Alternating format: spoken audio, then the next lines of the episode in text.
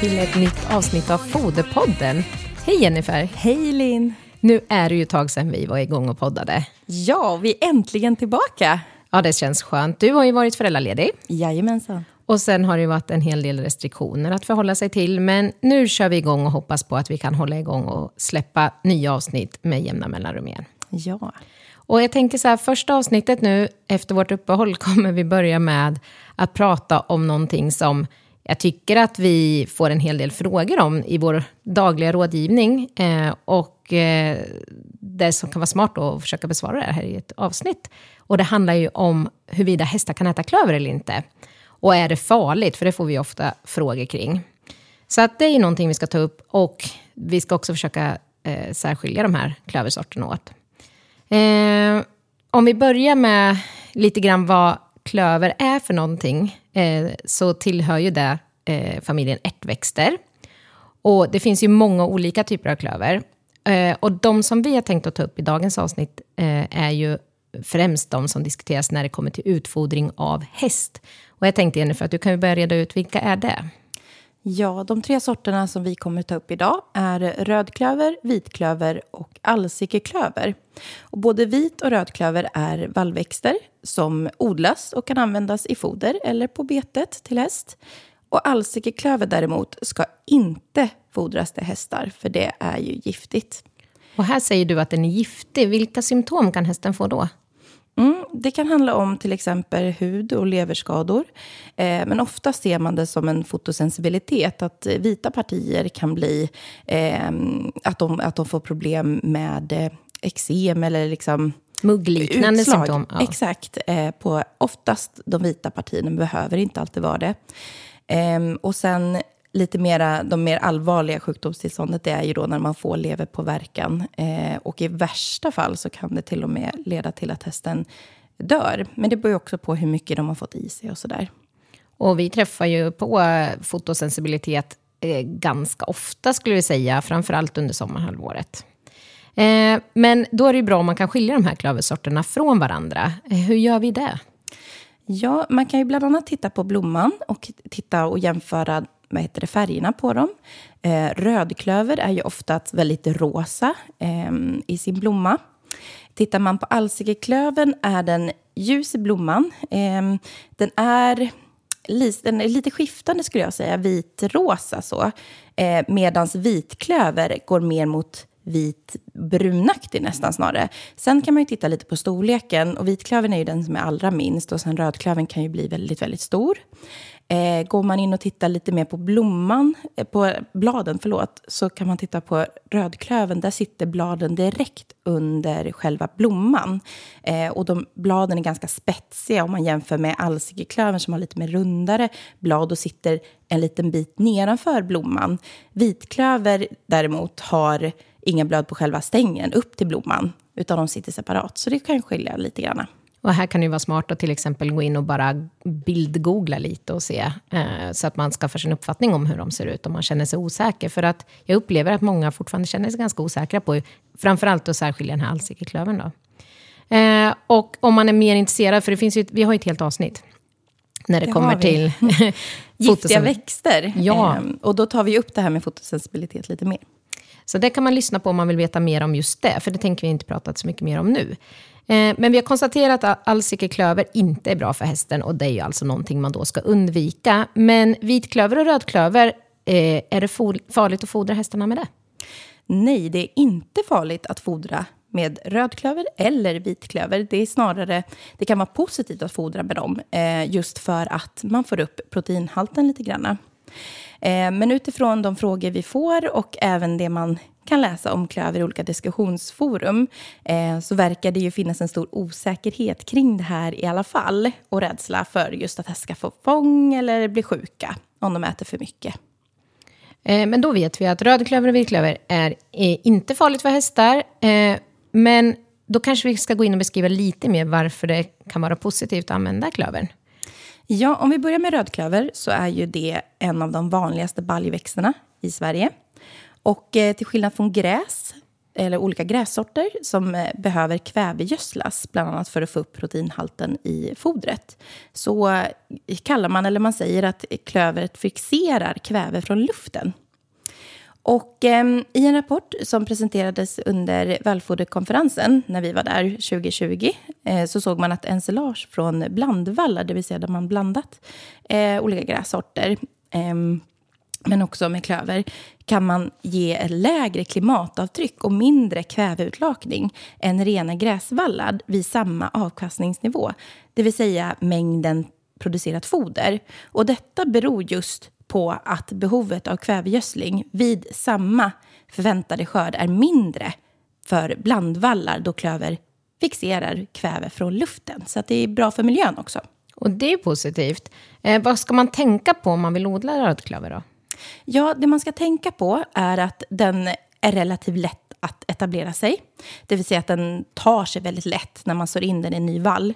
Men däremot så är den inte så uthållig. Eh, och eh, passar bäst till vallar som kanske inte ska ligga längre än två år. Eh, det ser man ju ofta när man tar kanske första skörden på en vall som man har, en blandvall, att oftast så är den högre då den tidigare år än om man tar den senare. Till exempel när det är en eh, treårsvall så kommer det ju bli lägre protein på grund av det. Det tar också längre tid för den att torka. Eh, och därför så passar den bättre till grovfoder som är ensilerat eller plastat. Då. Eh, och den är heller inte så tramptålig och det behöver man ju tänka på om man ska ha den som en betesväxt. Och där har vi en fördel med vitklöver som är tramptålig och lämpar sig bättre då i en betesvall. Eh, och eh, när man gjorde en rapport gällande betesväxter så såg man att vitklövern också hade en bra marktäckning, det vill säga att den spred sig bra. Eh, och att hästarna, och det här är ju positivt, också upplevde den smakligt. Eh, och det är någonting man ska tänka på när man sår in eh, vilka växter man ska ha i sin vall. Det är att hästarna faktiskt också vill äta den då, så att de inte undviker grässorterna. Vilka näringsmässiga fördelar kan man då få av insådd av klöver i sin vall? Ja, Eh, näringsinnehållet i en ren gräsvall, särskilt när vallen är senare skördad eller inte tillräckligt gödslad, så ser man ju ofta att vi får för låg proteininnehåll. Och som vi har nämnt väldigt många gånger nu under våra poddavsnitt tidigare, är just att grovfodret bör innehålla optimalt 6 gram smältbart råprotein per megajoule omsättningsbar energi. Då.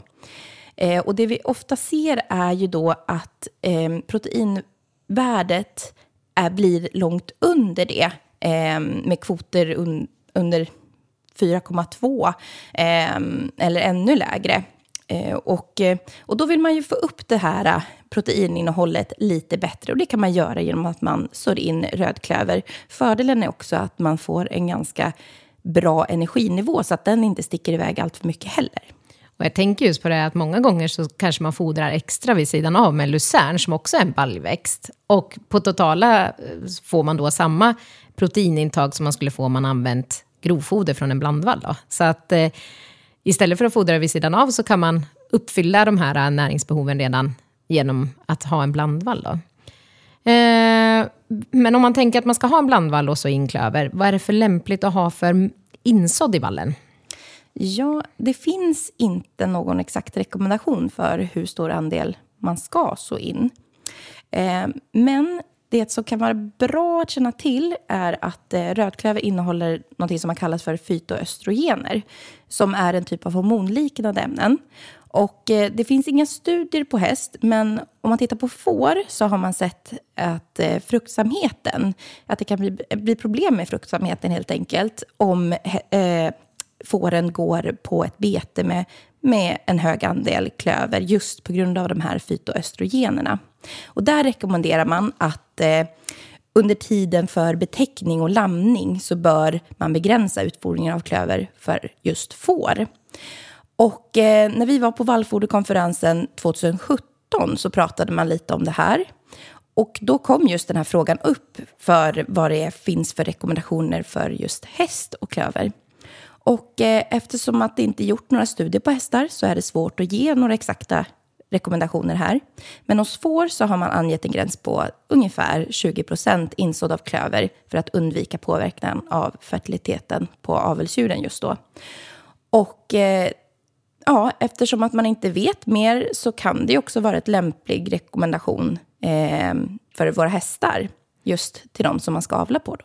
Ja, och just avelston har ju, precis som jag också tagit upp i tidigare avsnitt, ett ökat proteinbehov i slutet av dräktigheten och framförallt i början av drivningen. Så här kan det vara väldigt positivt då med mindre mängd klöver i vallen, alltså då vill säga då under 20 procent. Eh, för att man ska kunna få en, en mer balanserad foderstat och inte behöva komplettera med lika stort andel av proteintillskott som man annars behöver göra. För det är ett problem som vi ofta stöter på när vi räknar foderstater, att vi får gå in med så otroligt mycket för att kunna täcka de här behoven. Så en lagom stor mängd eh, klöverinsådd i vallen är bra till de här individerna. Men när vi kommer till de här lättfödda hästarna då, eh, och det är ju många som oroar sig för foder med grovfoder innehållandes klöver, vad är det man behöver tänka på här istället? Ja, hästar som är i för högt hull eh, är det vanligt att man begränsar intaget av foder. Och det bör man tänka på att just de här hästarna behöver täcka sitt grundläggande behov, både av energi men också av protein. Och att ge ett välbalanserat foder eh, som har ett lagom stort proteininnehåll är ju då positivt eftersom de här hästarna inte har ett lägre behov av protein, vilket många missförstår. Eh, och om det då är en viss mängd klöver i grovfodret som i övrigt har en bra energi och proteininnehåll så är det inte någon nackdel heller för de här hästarna. Utan det som är viktigt vid valet av grovfoder eh, till de här hästarna är ju att välja ett grovfoder med lågt sockerinnehåll, helst under 10% socker. Så kvoten ska ju fortfarande ligga på 6, men fördelaktigt om båda värdena kan ligga lite lägre så att man, man kan hålla en bra giva. Och jag tänker också så här, ofta är det ju vanligt att man till exempel blandar in lite halm till de här lättfödda individerna. Och då är det ju viktigt att tänka på att protein kvoten på den totala foderstaten hamnar rätt. Så där får du inte heller, har man då ett grovfoder som från början ligger lite lågt, så blir det ju ännu lägre totalt sett när vi väl blandar in halm i foderstaten. Så att återigen tänka på vad helheten i foderstaten blir för de här hästarna. Eh, någonting som vi också uppmärksammat när vi har tittat just på, det här är ju lite utanför vårt område då, men utsäde med färdiga vallfröblandningar för häst så är det oftast rena gräsblandningar utan någon klöver i.